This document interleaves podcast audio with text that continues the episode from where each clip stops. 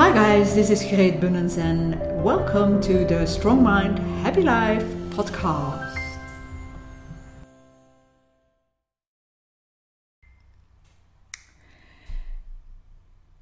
In life, there is only black and white. Grey is for losers. And my reaction to that is Is that so?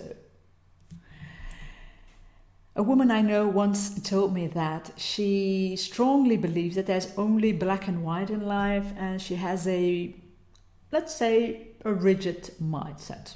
Well, more or less.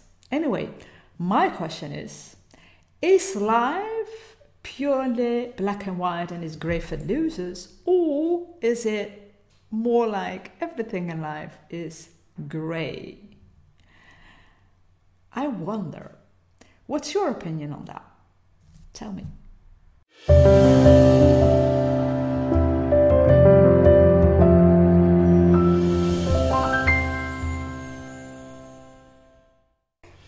You've been listening to the Strong Mind Happy Life podcast. Please subscribe to this channel. Thank you.